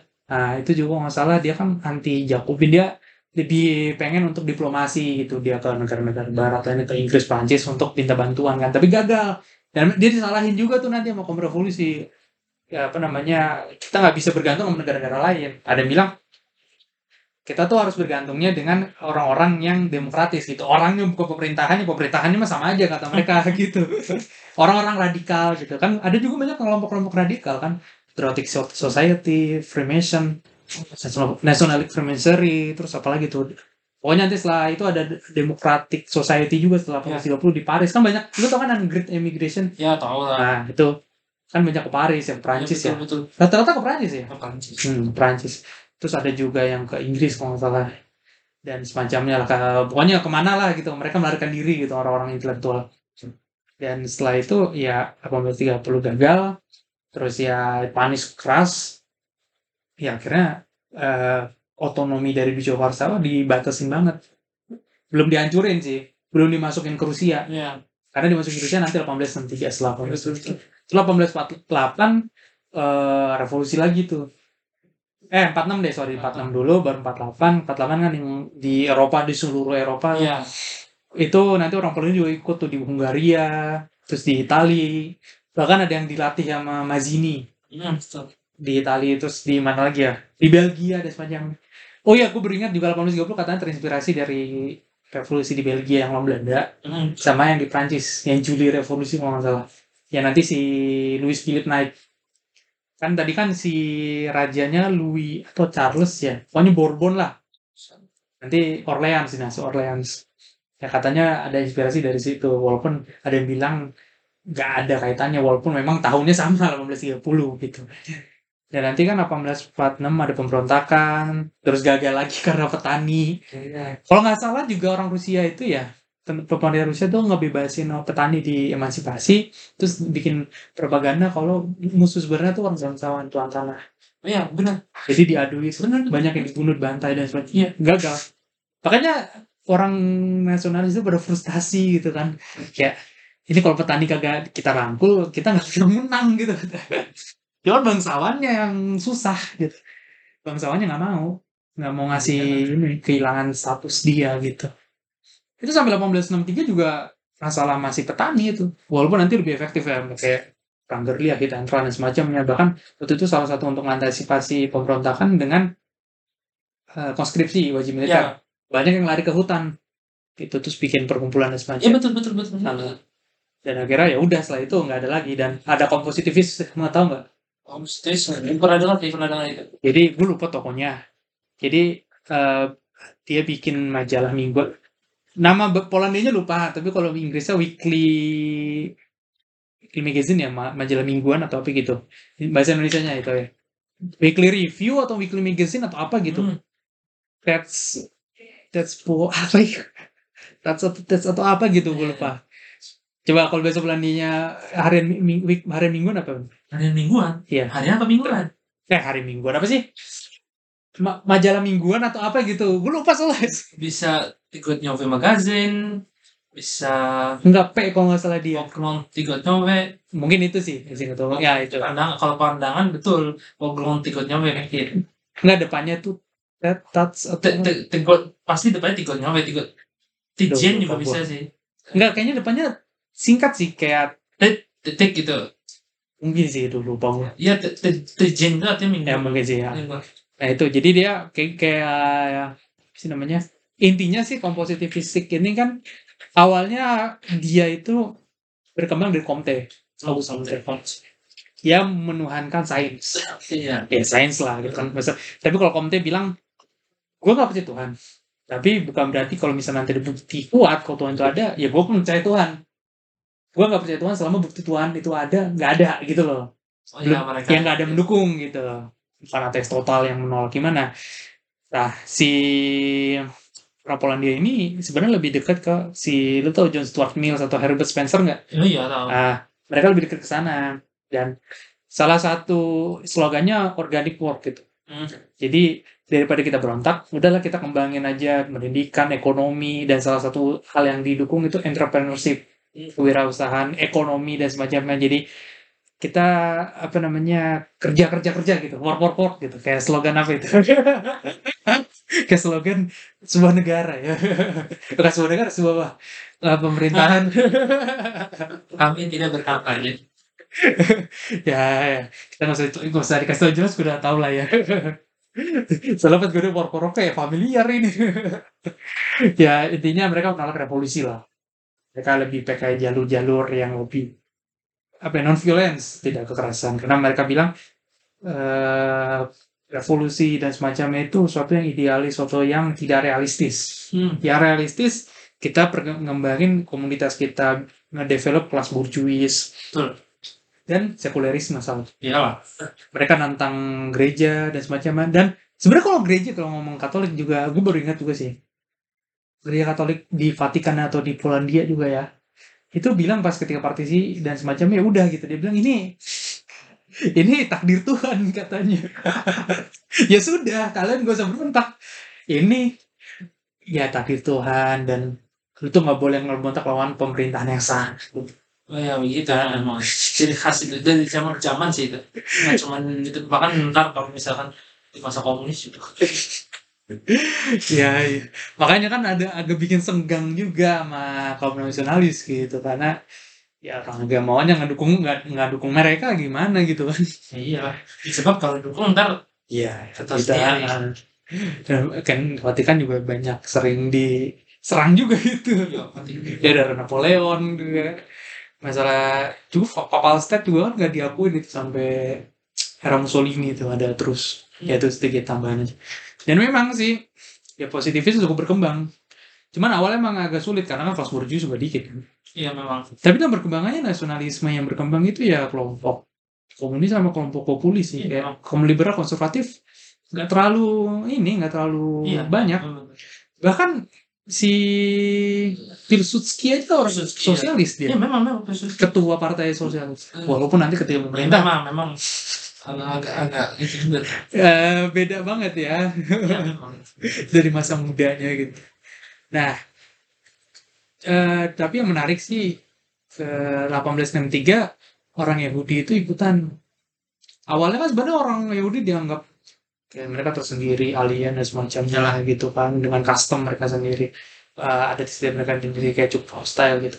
Walaupun gue juga sempat baca orang petani, kaum petani dengan orang Yahudi sebenarnya cukup dek, cukup interaksi, cukup intens walaupun ada sekat kebudayaan juga gitu. Dan juga masalahnya kan orang pet, kaum petani kan dari kultur orang Yahudi kan Iya. di perdagangan ya kan finansial dan semacamnya juga kan jadi agak beda. Ada mungkin ada kecemburuan dan juga dan apa ya eh sih namanya? Mungkin kebencian atau gimana ah. tapi 1893 ketika pemberontakan terjadi orang Yahudi ada yang jadi martir. Jadi ada protes ada yang mati. Dan akhirnya eh, ada yang muji tuh "Oh, orang Yahudi ternyata bisa jadi patriot dan semacamnya cuman ternyata di akhir abad eh, 19 muncullah gerakan antisemit lagi si Roman Demoski tau nggak? Entah. Demokrat Nasional. Yang dia pengen satu negara itu homogen. Dia orang Oh, Katolik iya. semua. Asimilasi budaya orang Yahudi boleh tinggal tapi lu lepasin itu lu. Agama lu. Etnis nah terus kan ada yang bilang nggak ada tuh namanya orang Yahudi Polandia yang ada Polandia gitu. Ya. itu itu juga menarik. Karena cukup berkembang gitu. Termasuk juga nanti ke orang Rutenian atau Ya, ya, orang Rusin. terus ada yang bilang nanti orang Rutenian juga harus diajak tapi nanti kayak bikin ada ada yang pengen bikin United States of Poland Poland jadi kan mau model Amerika Hmm. cuman ada yang bilang ya nanti orang Ukrainanya kayak orang Indian gitu nasibnya Ah. ya gitu sebenarnya orang-orang nasionalis ini cukup mendominasi sih nanti sebelum pilsud kudeta nanti mereka yang berkuasa ada politik asimilasi dan semacamnya dan apa ya berarti menurut lu itu jatuhnya ini gak sih? Apa? eh toleransi yang memang sebelumnya ini hilang gak sih dengan hal ini Ya, tentu saja gitu kan.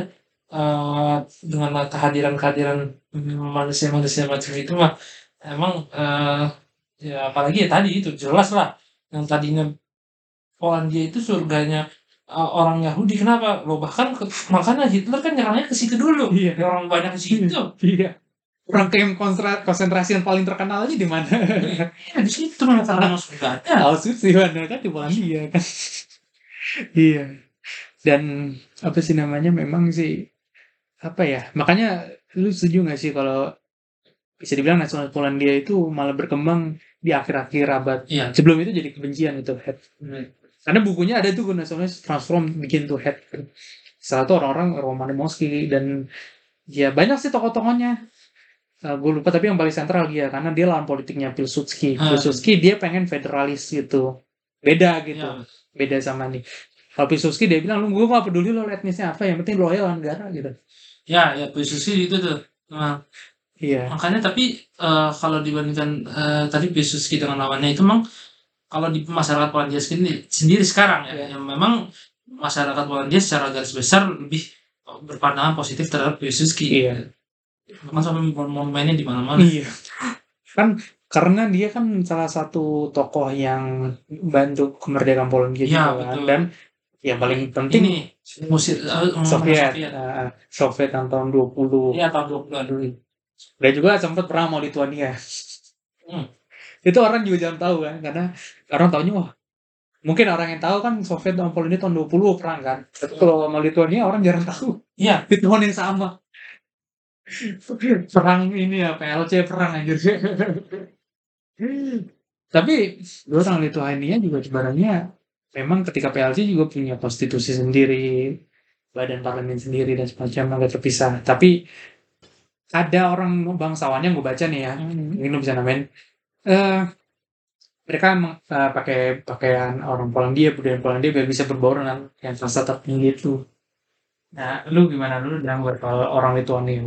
Ya itu makanya kan orang-orang itu nih sekarang menggunakan gondok sama itu kan karena eh, apa ya semacam semacam eh, orang Lituania itu justru malah me- apa ya jatuhnya pejabat, pejabat Lituania itu lebih eh, menerima eh, budaya Polandia gitu jadi lebih mengapresiasi budaya Polandia Secara bahasa ini nggak sih dia? secara bahasa beda Beda. beda tapi ada ada masih satu keluarga yang sangat besar ya maksudnya. Baltic apa Sorry sorry. Secara bahasa, oh, bahasa Polandia mendominasi nggak sih?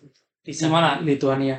sekarang ya enggak kalau Enggak, sekarang dulu, dulu. kalau dulu dulu ya dia lah Iya. kan bahasa resminya itu justru Gua kan katanya hampir punah nggak sih? Gue banyak nggak salah. ya ya dia kan bahasanya di Tuhan itu hanya sebatas dipakai sama masyarakat lokal itu ya yang itu yang bahkan kan tadi apa Uni Lubelski itu apa Uni Lublin. Lublin itu eh itu kan tulisannya traktatnya pakai bahasa Polandia Iya. makanya itu yang jadi orang nggak apa menguntungkan Polandia saja gitu loh Padahal Jagiello itu yang nanti berpuasa dasinya orang Lituania. ya memang memang jadinya ya, itu makanya eh ya tadi yang seperti lu bilang itu maksudnya orang Lituania itu banyak yang apa yang lebih ngikut-ngikut ke sana lah gitu Iya. Dan itu tau nggak Adam Mickiewicz Iya. nah itu tuh yang Itu juga menarik tuh. Itu itu, gimana? nah Adam Mickiewicz itu adalah sastrawan sastrawan yang namanya dijadiin salah satu universitas di Poznan kalau salah. Poznan- Di Vilnius juga nggak sih?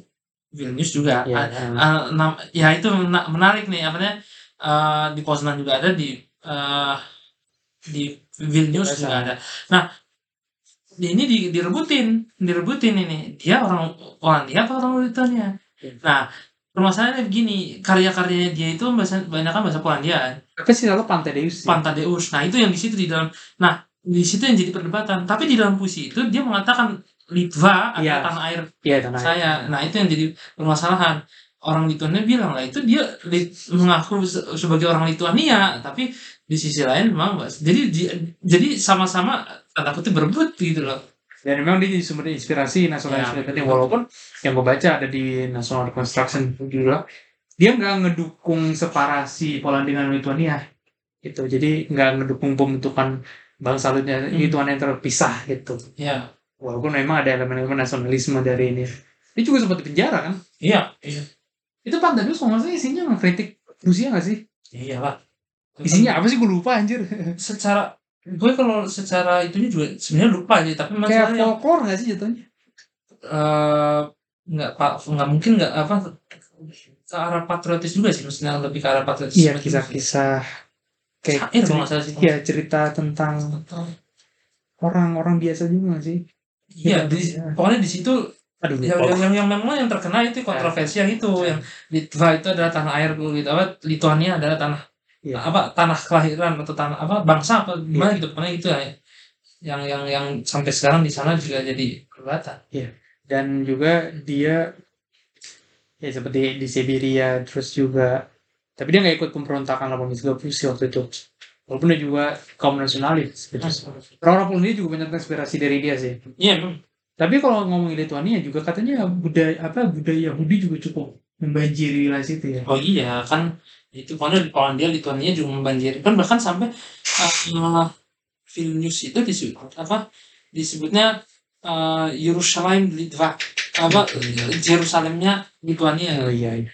Maka pas gue baca awal-awal kan Grand Duchy of Lithuania kan karena di bab itu gue pas ke Polandia udah perang dunia kedua nih kan udah jauh banget.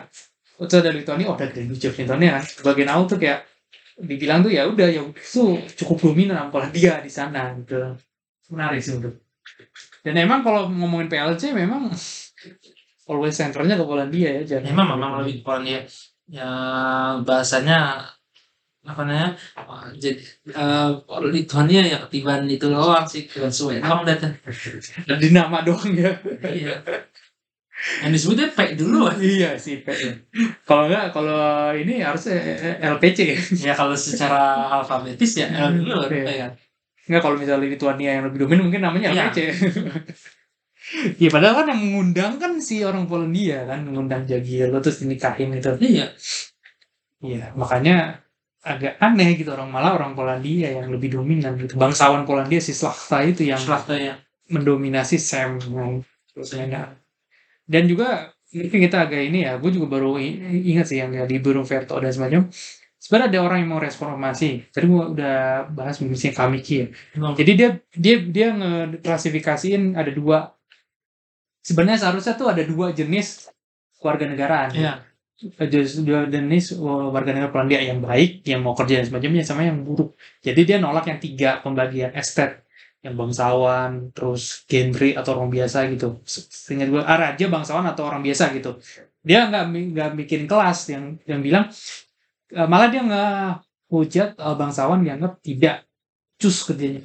Makanya nanti benar-benar dipilih dan semacamnya secara tertutup. Terus mereka si ini orang-orang yang benar-benar layak, orang-orang terdidik dan semacamnya. Nanti uh, rakyat bisa berkuasa juga karena dia bilang konfederasi itu bukti dari kemampuan rakyat Polandia untuk berkuasa untuk memerintah gitu kan yang cukup baik bagi dia. Tapi reformasinya nggak ini sih nggak nggak terlalu didengar gitu. Dia lebih burung veto bagi dia nggak harus diabolis harus di sih dihapus tapi dibatasin karena libur veto itu bagi dia bisa sebagai memang untuk yeah. menjadi dalam politik bukan untuk mencapai konsensus kata dia. Itu benar kayak senjata terakhir aja lah gue pakai libur veto jadi bener-bener kita ngobrolin dulu diskusi dan semacamnya. Kalau memang buntut baru libur veto keluar. Bukan apa apa pakai libur veto aja makanya kan di bener-bener anarki banget. Itu bisa reses berkali-kali bisa kelar berkali-kali. Gak apa buntu gitu. Kan uh, legislasinya kan udah disetujui sama Sam sama parlemen undang-undang jadi lu kena libur veto ya udah kelar. Batal. Gitu. Karena itu juga golden freedom iya. golden freedom dan semacam. Dan dia juga pengen raja itu udah jadi kayak simbol aja. Nggak bisa bagi-bagi tanah ke pejabat itu. Yeah. karena bagi dia selalu sumber masalah. Dan memang ya kata dia pejabat-pejabat itu juga banyak yang dapat uh, gaji dari kekuatan luar Prancis, Austria tuh dapat duit-duit semacam untuk menguntungkan mereka tuh salah itu yang pengen benar-benar di ya berarti emang cukup parah yo. Demokrasi demokrasi cuman iya. Jadi boneka boneka juga. Terlalu ini sih. Kayak terlalu bebas. Dia kan bilang kita dia mau bikin di tengah-tengah antara monarki absolut sama monarki yang campuran model dia bikin. Itu menarik sih. Dan dia kan uh, hidup di era yang Agustus itu Agustus nah. dia kalau nggak salah wafat sebelum partisi sih jadi memang hmm. ada tuh tesis atau disertasi tentang Librung Veto karena itu banyak banget gue baca yang terakhir aja yang paling deket-deket tuh. Nah itu ada si Kamiki itu nggak salah.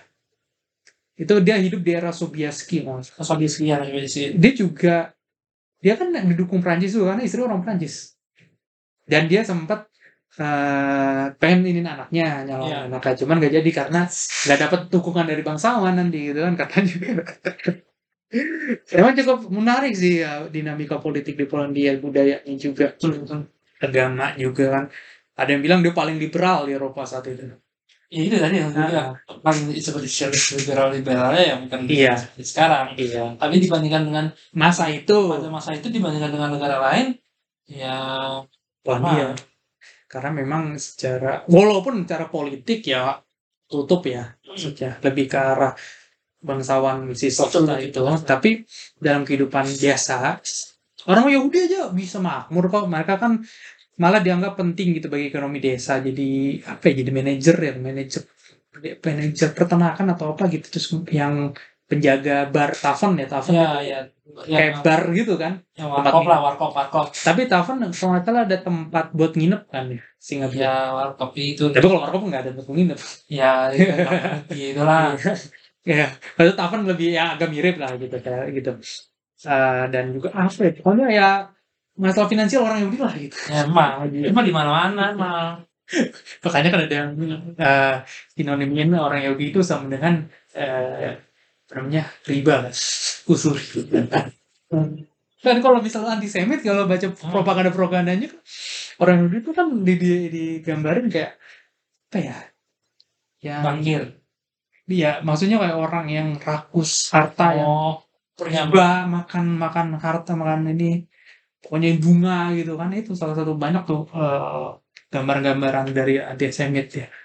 Tapi gue nggak tahu sih di Polandia memang Oh salah satu memang gue ekonomi ada beberapa yang bilang orang Katolik juga harus aktif nih di ekonomi gitu kan biar kita nggak tertinggal nih orang Polandia sama orang sorry sama orang Yahudi. Tapi juga ada beberapa orang nasionalis yang bilang uh, yang memang dia tendensinya agak kayak Nazi ya dalam sejarah politik yang dasar ya Australia tapi dia nggak sampai dukung bunuh orang Polandia? Enggak sampai situ. Maksudnya udah kita asimilasi dan semacamnya kalau mereka nggak mau ya kita kita nggak kasih politik nggak dikasih kita susahin lah tapi nggak sampai dibunuh ada itu gue lupa tokohnya siapa emang menarik sih dan kalau nggak salah ya setelah merdeka ya Polandia mereka juga cukup apa namanya simpati ke Nazi gitu Ya, pada ya mungkin sih ini sih kayak eh, apa sih namanya ya karena di di barat kan itu merdeka kan 1918 Iya. kan. Ya lu tau sendiri apa di timur ada siapa ada di Bolshevik gitu ya. Iya. Mungkin mungkin sebenarnya tendensinya lebih ke situ. Kalau kalau apa namanya? Kalau kalau apa sikap positif yang begitu nyata banget sih gue belum lihat secara jelas ya gitu maksudnya. Tapi jelas intinya emang ya gimana biar pokoknya biar kagak terserang nggak sih lah Iya, iya. sama cuman kan akhirnya pada eh, 1918 yaitu Bolshevik eh 1920-an lah itu Bolshevik nyerang. Hmm. apa namanya? Eh Polandia bisa nahan. Tapi kan Republik Polandia nggak lama. Iya. Dari situ di eh, di sama pak. Iya. Tanda kutip partisi lagi Iya. sama sih. sama- sejarah berulang gitu. Iya. Ya sama aja kayak si Prusia pengen wilayah yang dikuasai Polandia yang motong wilayah dia kan sama Hitler juga pengen Danzig karena motong Nah, selain karena alasan untuk apa namanya perang Jerman ya? Iya, itu motong itu itu pelabuhan itu penting gitu secara ekonomi dan semacamnya ya itu sama aja sejarah berulang dan memang nanti Piłsudski juga pas berkuasa dia kan juga represif otoriter banyak. Hmm. bahkan bikin kamp konsentrasi dia untuk orang-orang kiri dan semacamnya iya, iya. oposisi dia banyak ditangkap tangkapin bahkan ada rezim kolonel kan nanti orang-orang militer berkuasa. Walaupun nggak semua militer ada juga kalau nggak salah oh ini ya presiden itu tapi sebelum Piłsudski ya presiden pertama Polandia kalau nggak salah si siapa? Iki pianis musisi atau apa gitu. Pernah gue lupa namanya Masih. cuman singkat banget sih. Dia kayak lupa pianis kalau nggak salah atau komposer atau bukan di musik itu itu menarik juga. Tapi itu sebelum Piłsudski sih. Sebelum kudeta Piłsudski tapi Piłsudski kalau nggak salah jadi head of state ya tapi gue nggak tahu awal-awal tuh udah berapa lama gitu karena nanti oposisi lawannya si Nasional Iya. Demokratik ini yang berkuasa si Demoski jadi menteri luar negeri sempat dan akhirnya nanti ya Polandia ya itu eh, represi-represi dan semacam Piłsudski wafat terus rezim militer masih ada sampai nanti 39 itu kan dibagi, dibagi dua kan iya mau terbentrok tuh Iya. Dan akhirnya nanti merdeka, Yalta, konversi Yalta, Polandia dikasih ke Soviet. Kan iya ada yang bilang orang Polandia itu banyak benci juga ke orang Inggris, Prancis, Amerika kan? iya karena karena seakan-akan di- dia ditumbal iya ditumbal ke Soviet. ah. Karena waktu itu apa ya sebagai kompensasi ke Stalin itu terkait Jepang ya, kalau nggak salah Jepang biar orang biar Stalin bantu Soviet atau gimana. Churchill sebenarnya juga udah skeptis kan sama si Stalin. iya Roosevelt yang ya udahlah ya, kayak gitu kasih aja lah gitu dan akhirnya nanti ya si Churchill walaupun Churchill juga kontroversial tuh orang ya Hmm. salah tuh di India itu Eh, dia bilang yang pidato tirai besi itu ya Iron Curtain itu iya iya. apa namanya yang setelah kudeta di Ceko kalau nggak salah ya akhirnya Polandia dikuasai nama rezim sosialis dan beberapa kali nanti ada ini kan pemberontakan gitu pemberontakan protes-protes tahun 56 si Gomulka terus Iya, ada. Girek Girek katanya yang agak-agak cukup terbuka dan dia mulai ini ke Amerika dan semacam cuma nanti digulingkan oleh Jaruzelski tau nggak? Tahu tahu yang terakhir tuh ada Martial Law dan semacamnya dan akhirnya Solidarinoff iya soldier Marx itu. Boleslaw Beirut. Eh so, Boleslaw Beirut itu mah presidennya siapa Lech Walesa nah saya akhirnya kan muncul kan dan akhirnya demokratisasi. Nah iya. Dan menariknya itu setelah apa eh, kenapa kok eh, orang Polandia itu nah kalau tadi kan sebelumnya orang Polandia itu bencinya ya Sardom gitu loh. Iya. kalau sekarang hampir menyeluruh gitu. Iya. kenapa? Karena eh, kalau zaman Soviet kan istilahnya memang bener-bener banyak tentara Rusia yang masuk ya ke Polandia. Itu dan itu masyarakat biasa gitu. Masyarakat banyak kan bukan dari kalangan militer. Kalau dulu kan kalau masa start kan kalau kalangan militer berarti emang khusus orang militer Nah. yang dia terdidik. Tapi kalau zaman Soviet kan tahu sendiri orang laki-laki dimajuin semua aja gitu iya. Nah jadi kebencian Polandia terhadap eh, Rusia itu makin menyeluruh gitu karena toh masyarakatnya juga ikutan iya iya. ny- nyerang jadi dan bahkan apa namanya eh dia melihat eh, Uni Soviet itu itu mah sekongkolan Jerman itu sekongkolan Nazi itu itu Iya. ya itu gara-gara Molotov Ribbentrop itu Ya. Nah, di setelah dikuasai oleh eh, Uni Soviet pada tahun 45 kan yang Iya. 45 eh, itu masa-masa yang istilahnya mencekam bagi masyarakat Polandia. Itu banyak sekali misalkan contoh eh, banyak yang dikirim ke Bulak. Bahkan ada ceri- di di Polandia itu eh, di Warsawa ya di salah satu jalan itu ada monumen yang mengenang eh, kepulangannya berapa orang? Enam orang kalau salah. Enam orang dari Bulak pulang jalan kaki. Apa jadi ada enam orang Polandia dibawa ke Bulak gitu Tahun berapa?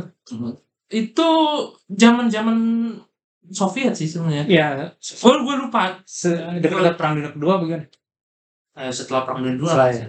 nah abis itu kalau nggak salah nggak tahu kabur atau apa pokoknya dia bisa pulang jalan kaki balik situ dibikin monumen Hmm. monumen eh istilahnya monumen orang yang bertahan di, di- Oh. apa orang yang kembali dari Siberia itu ada di jalan Alea Yerusalemski gitu gue pernah lihat soalnya nah Hmm. apa namanya eh jadi di masa Stalin itu itu masa-masa yang paling mencekam bagi eh, masyarakat Polandia ya karena karena represinya sangat sangat itulah Iya. sangat bahkan ta- tapi eh, Stalin eh, bikin bangunan di sana Apa? bangunan yang sekarang namanya Istana Kebudayaan dan Pengetahuan Pawat Skulptur Inauke itu eh, bangunannya nggak bisa dilihatin sih Iya. Eh, apa namanya Audio gitu. Iya audio ya. Jadi bangunannya itu persis sama bentuknya dengan Universitas Negeri Moskow. Itu tempatnya pusatnya di dekat eh, stasiun kereta eh, Warsawa. Hmm. Bangunannya itu tinggi, da, apa eh, tinggi ke atas itu persis mirip dan seka- sampai sekarang orang masih kenalnya itu gedung Stalin bahasa gitu. Itu uh, umum ya. Umum, sekarang mah udah umum. si- siapa aja bisa masuk gitu. Nggak ada awalnya tuh dibikin untuk pengetahuan Ya. atau gimana? Biasa, ya biasa lah apa nah, eh, namanya pusat kebudayaan Soviet. Oh, ya. ya Oh, mensovietisasi lah bahasanya oh, ya. ya bangunnya persis sama yang ada di Moskow Oh, iya. persis banget sama yang di Moskow Cuman-. Cuma kalau masalin gue sempet baca juga sih di Cold War ya. Hmm. Awalnya tuh buku itu kalau nggak salah Cold War pernah gue jadi artikel gitu tuh. Itu sebenarnya Stalin tuh nggak pengen eh, apa ya kayak bilang kita nggak ada ambisi nih di Polandia gitu kan. Mm, mm. Kita apa sosialisme Polandia belum siap nih. Apa gitu pakai analogi apa gitu ada ada analogi dan sebagainya. Sebenarnya akhirnya ya ini ini juga karena salah satu yang sebenarnya nggak bisa nerima rezim sosialis di Eropa Timur ya pasca perang dunia kedua ya paling ini Polandia sih. Hmm, emang betul yang paling ter, yang paling gampang kan Ceko karena Iya. ada, koalisi dan semacam walaupun nanti ada kudeta juga ya memang cuman ini Polandia gitu memang paling di- dan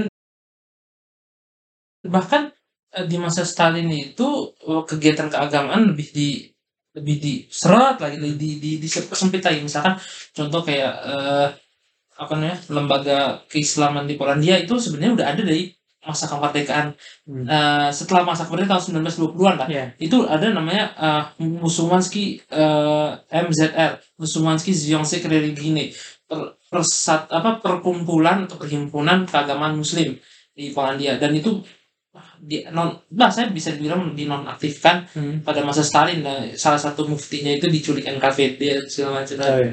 nah, itu pokoknya it, eh, dan apa namanya eh, dan ketika Stalin mati itu baru senang ya itu Stalin mati pada senang gitu Iya, karena kan eh, agak sedikit melonggar, ya, si melonggar. Khrushchev kan emang agak-agak liberal Iya, makanya di pada masa setelah Stalin itu di Polandia kegiatan keagamaan mulai kembali eh, lebih mendingan lah. ya Eh, eh, apa bahkan eh, di masa komunis juga sebenarnya salah satu eh, tokoh keagamaan Katolik Polandia jadi paus.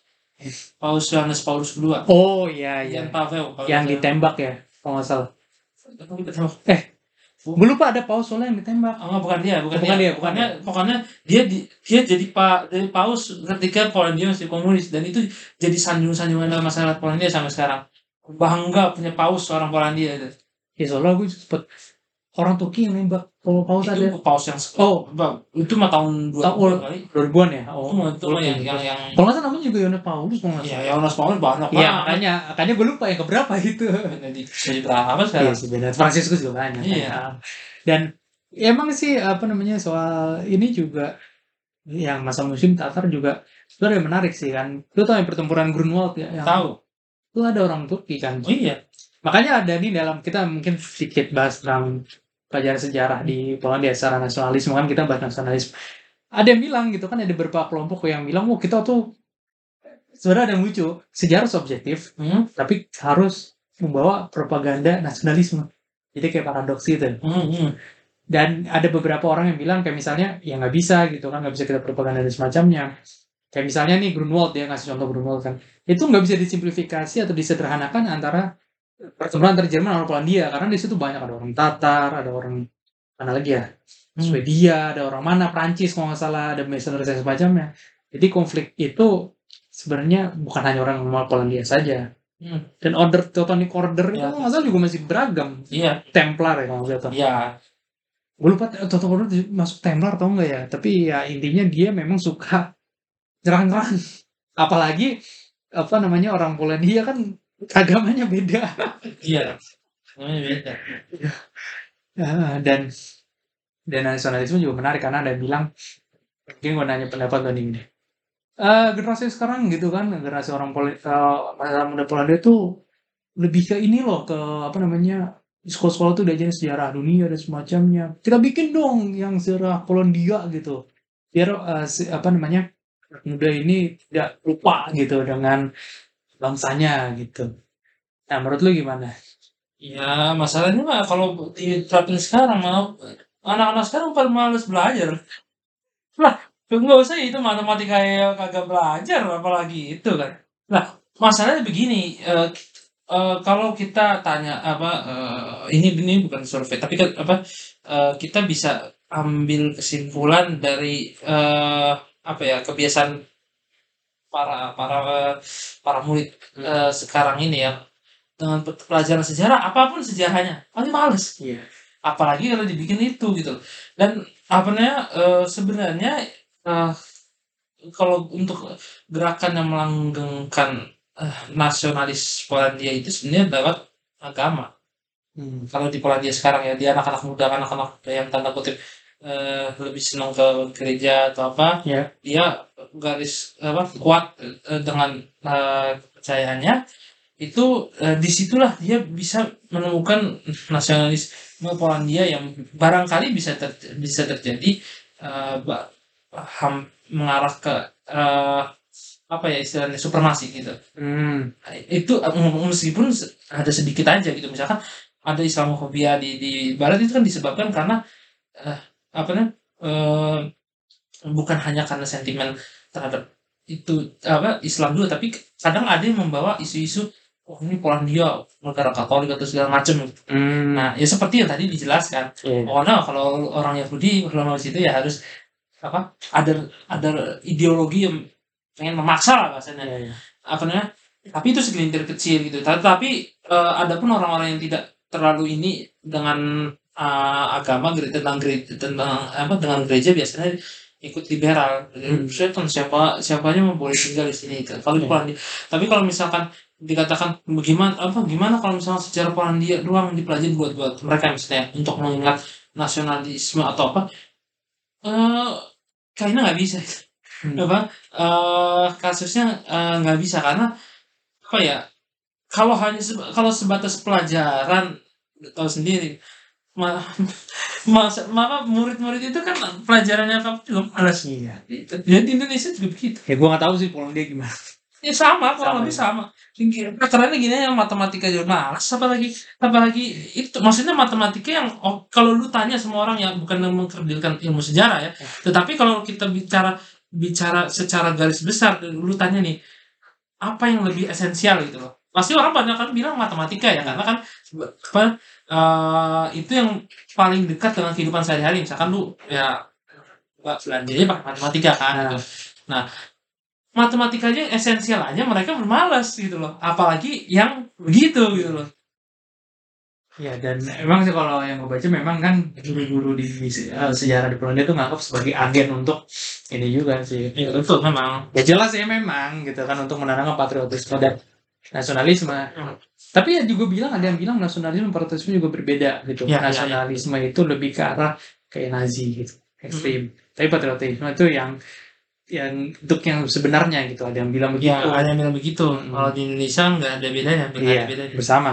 Dan yang menarik juga eh, ketika ada entah itu guru sejarah atau orang gitu, tapi biasa guru sejarah yang ingin ngasih tahu, oh Polandia juga melakukan tindakan yang jahat gitu, kejahatan. Itu langsung banyak ini langsung dikecam dan juga Oh iya. Iya, karena eh, kayak seperti apa ya? eh masalah eh gue lupa tadi mau ngomong apa sebenarnya tadi gue pengen ngomongnya itu eh apa namanya? Jadi kayak penggambaran partisi itu, jadi seakan-akan memang kalau di dalam sejarah mereka ya, kalau karena memang gue pernah sempat ngambil mata kuliah eh, sejarah Polandia di, di, di salah satu universitas di sana, ya memang mata kuliah singkat aja sih.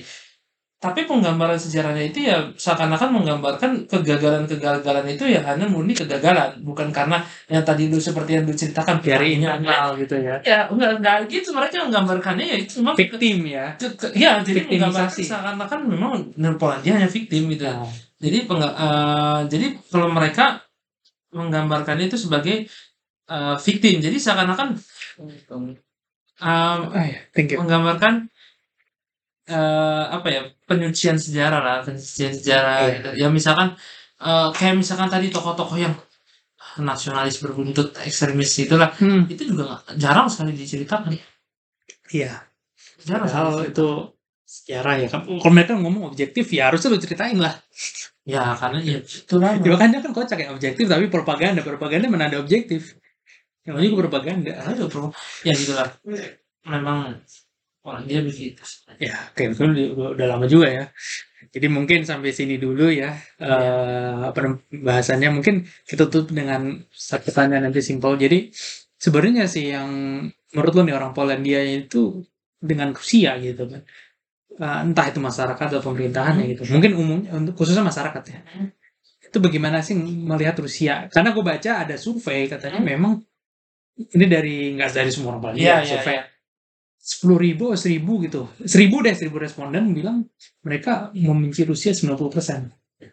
Dari apa yang gue lihat dari gue bisa jadi apa pem- pemandang apa eh, observasinya bisa jadi salah ya. Hmm. tapi dari apa pengalaman gue memang i- memang begitu. Karena pada pernah di UI juga kan ada guru orang Polandia ya. Eh, pernah sesekali di dalam kelas eh, gue nggak lagi ngejelasin ke teman ini begini konsep gramatikal seperti di bahasa Rusia. Lah dosen dosennya itu langsung ngeliat gue kayak oke maksudnya dia sih nggak marah sih. Cuman maksudnya ada ah, kesan negatif tapi nggak benci gue sih. Kesan negatif ketika lu ngomong bahasa Rusia di situ gitu loh. Dan itu juga di- berlaku di sana gitu. Apa kalau untuk kepada masyarakatnya ya masyarakatnya yang yang biasa aja Hmm. maksudnya yang enggak sih tapi enggak untuk membenci suatu negara Rusia memang kebanyakan begitu. Hmm. pertama dari masalah eh, sebenarnya lebih banyak bukan karena masalah partisi tapi masalah Uni Soviet. Oh berarti Di situ. lebih deket ya? Lebih lebih ke arah situ. Nah, karena kalau ke masalah eh, partisi itu kejauhan. Jauhan dan kalau misalnya masalah partisi kan nggak ada yang ngebenci Jerman yang sekarang gitu Iya. karena masalah partisi atau Austria Austria nggak ada tapi apa mereka itu eh, pertama benci Hitler juga tapi benci juga Uni Soviet, Uni Soviet secara umum karena karena ketika mas- masa masa pemerintahan komunis itu sangat eh, menurut mereka itu ter eh, ya, kekang gitu loh. Nah makanya sehingga terjadi solidaritas solidaritas itu lah. iya Ini mereka membenci Rusia dalam tahap eh, dalam masalah pemerintahan dan dan apa namanya eh, karena eh, masalahnya masalah Soviet ditambah lagi masalah yang sekarang iya yang terjadi di Ukraina ya. oh iya salah satu juga karena Ukraina sih walaupun sebenarnya Polandia kan Ya sebenarnya Polandia juga sama Ukraina nggak bagus-bagus amat. Iya nih, mungkin nih gue tambahin dikit di buku yang nasionalisme terus ada ada yang menarik nih.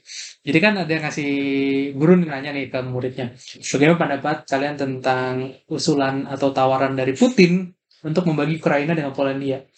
Eh, terus muridnya bilang, ya saya setuju karena memang Polandia itu apa Ukraina itu milik Polandia gitu. Iya, memang betul. Nah itu bahkan sampai se- sebenarnya ya sebagian masyarakat Polandia ada yang masih berpikir begitu. Iya. Ada yang berpikir gitu.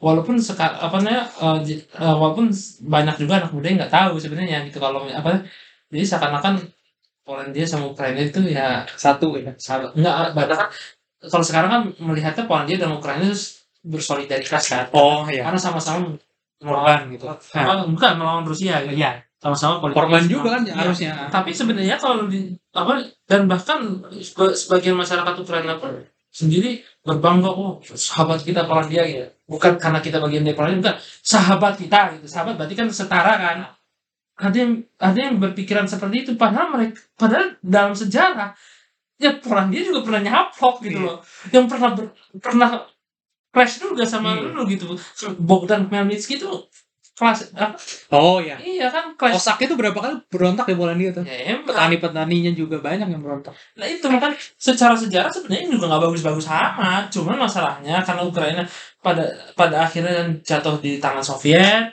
dan kebetulan kebetulan kan sama-sama korban korban Soviet. Jadinya ya terhadap Ukraina ya agak memudar sih mas.